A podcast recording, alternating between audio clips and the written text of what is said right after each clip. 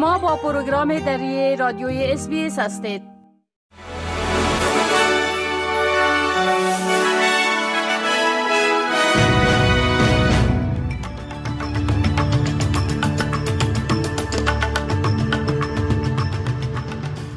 سلام من فضیلت تصمیم هستم و شما را به شنیدن مهمترین رویدادهای روز دعوت می کنم.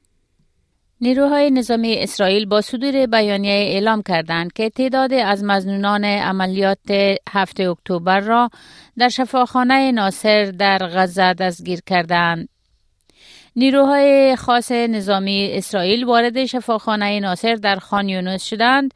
این شفاخانه بزرگترین اجتماع خدمات درمانی غزه است که از قبل در محاصره نیروهای اسرائیل بود. این بیانیه تاکید کرده است که هدف از عملیات یافتن افرادی از حماس است که گمان آن می رود در حملات هفتم اکتبر به اسرائیل دست داشتند. مقامات صحی غزه می گویند در این عملیات کم از کم سه فلسطینی کشته شده و چندین نفر دیگر زخمی شدند. دانیل هاگاری سخنگوی و سرافسر نیروهای بهدی اسرائیل می گوید نیروهای خاص اسرائیل بر اساس اطلاعات معتبر عمل کردند. We have credible intelligence from a number of sources, including from released hostages, indicating that Hamas held hostages at the Nasser hospital in Khan Yunis, and that there may be bodies of our hostages in the Nasser hospital facility. The IDF is conducting a precise and limited operation inside Nasser hospital. This sensitive operation was prepared with precision and is being conducted by IDF special forces who underwent specified training for this mission. نیروهای اسرائیل اضافه کرده است که اطلاعات معتبری در اختیار دارد که حماس تعدادی از گروگانها را در شفاخانه ناصر نگه داشته است و ممکن است اجساد آنها نیز در آنجا باشند از سوی دیگر حزب الله می‌گوید ده ها راکت را به یک شهر در شمال اسرائیل در عکس العمل به کشته شدن ده غیر نظامی در جنوب لبنان شلیک کرده است که مرگبارترین روز برای غیر نظامیان لبنانی در چهار ماه گذشته است. سازمان ملل متحد خواستار توقف آنچه که آن را تشدید خطرناک درگیری می‌داند شده است که به شدت جنگ در غزه انجام شده و نگرانی ها را در مورد رویارویی گسترده تر بین حزب الله و اسرائیل تحت حمایت ایران افزایش داده است. استرالیا موارد متعددی از اطلاعات غلط را در اتهامات علیه اداره کمک رسانی سازمان ملل متحد برای پناهندگان فلسطینی پیدا کرده است. اسرائیل ادعا کرده که امدادگران این اداره سازمان ملل متحد در حملات حماس در اسرائیل در هفته اکتبر دست داشتند. ماه گذشته استرالیا به کشورهای دیگر پیوست تا بودجه این سازمان را برای تحقیق در مورد اتهامات خود متوقف کند. در حالی که گزارش اولیه می‌گوید سی کارمند این اداره درگیر شدهاند به گفته مارک انیس براون معاون وزیر امور خارجه کمتر از نیمی از آنها کارمندان بودند پینی وانگ وزیر امور خارجه از تعلیق بودجه دفاع کرد و گفت که این در راستای شرکای بین المللی است. I wish that we were in a different position and I hope that the international community can, through these processes, be given the confidence to continue to support UNRWA. That is my position. I know it is not the coalition's position, well, some.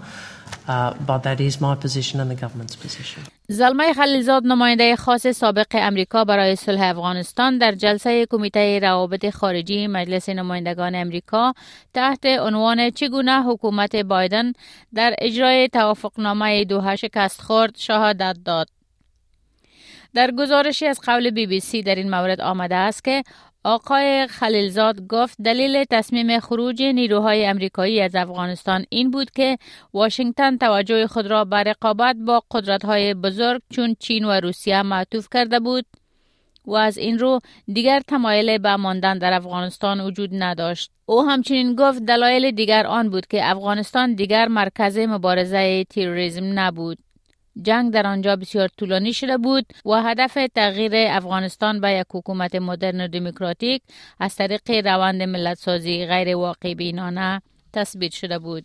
او در این جلسه سه ساعته در مورد نقش خود به عنوان نماینده خاص امریکا برای صلح افغانستان و پلان امریکا در منطقه میان سالهای 2018 تا 2021 به سوالهای زیاد اعضای مجلس نمایندگان امریکا پاسخ داد و در برابر انتقاد شدید آنها از توافقنامه دوحه دفاع کرد. پینی وانگ وزیر امور خارجه استرالیا می‌گوید حکم اعدام یانگ هنگ جون نویسنده استرالیایی بر روابط دو جانبه چین و استرالیا تاثیر خواهد گذاشت. سناتور وانگ در یک جلسه پارلمانی پنجشنبه 15 فبروری گفت که این تصمیم استرالیایی ها را تحت تاثیر قرار می دهد. حکومت استرالیا با حمایت از دکتر یانگ که با حبس ابد در چین مواجه است ادامه خواهد داد. درخواست تجدید نظر قانونی برای او باز است اما کارشناسان حقوق بین المللی در مورد چشمانداز آن تردید دارند زیرا این چنین حکم به ندرت لغو می شود. مقامات سفارت استرالیا می گوید سلامت و رفاه دکتر یانگ هدف اصلی است. نرخ بیکاری در استرالیا برای اولین بار در دو سال گذشته به بیش از 4 درصد رسیده است. اداره آمار استرالیا اعلام کرده است که این نرخ در ماه جنوری 0.1 درصد افزایش یافته و به 4.1 درصد رسیده است. بانک مرکزی استرالیا پیش بینی کرده است که ممکن میزان بیکاری تا پایان سال 2024 به 4.4 درصد برسد در حالی که نرخ سود تورم و عدم اطمینان اقتصاد یک مسئله جهانی است. آقای چالمز خزاندار استرالیا می‌گوید بیکاری هنوز با استانداردهای تاریخی پایین است. In the 46 years now since these monthly records were first kept, there's only been one calendar year where every month of that calendar year has had unemployment south of 4%. That was the year just finished. Uh, so we enter this period of uh, economic uncertainty from a position of genuine strength. Uh, and the labor market is a big part of that story. در سومین سالگرد حمله روسیه به اوکراین حکومت فدرال استرالیا 50 میلیون دلار دیگر به اوکراین کمک می کند. این پول به صندوق بین المللی اوکراین تحویل داده خواهد شد که از کمک های سراسر جهان برای تهیه تجهیزات نظامی و ارائه پشتیبانی از اوکراین از آن استفاده می شود. انتونی البانیزی صدر استرالیا می گوید استرالیا تا زمانی که لازم باشد در کنار اوکراین خواهد ایستاد. پیتر داتون رهبر اپوزیشن نیز گفت که بودجه اضافی به دلیل سرمایه گذاری در امنیت جهانی و دموکراسی است. ساکنین بعضی نقاط در ایالت ویکتوریا چندین شب را بدون برق گذشتاندند. طوفان شدید روز دوشنبه باعث گردید بیش از یک میلیون باشنده ویکتوریا در حدود 125 خانه بدون برق بمانند.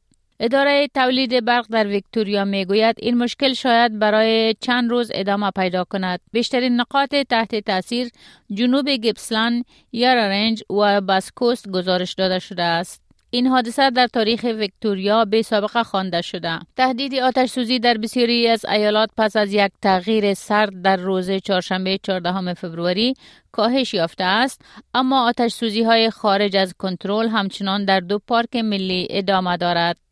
در حال حاضر دو هشدار شدت آتش سوزی برای مناطق پارک ملی گرامپیان و واری اوون نشنل پارک صادر گردیده است.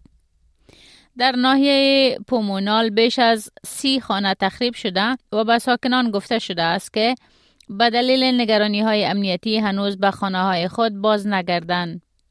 کریس هاردمن از اداره آتش نشانی در ویکتوریا گفته است که فرونشانی کامل این آتش سوزی و ارزیابی خسارات آن بسیار طول خواهد کشید.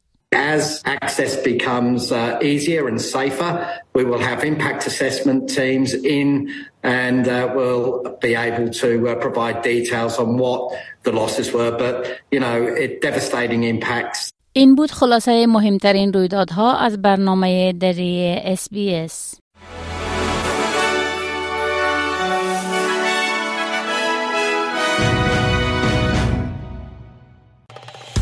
بپسندید شریک سازید و نظر دهید. اسپیس دری را در فیسبوک تعقیب کنید.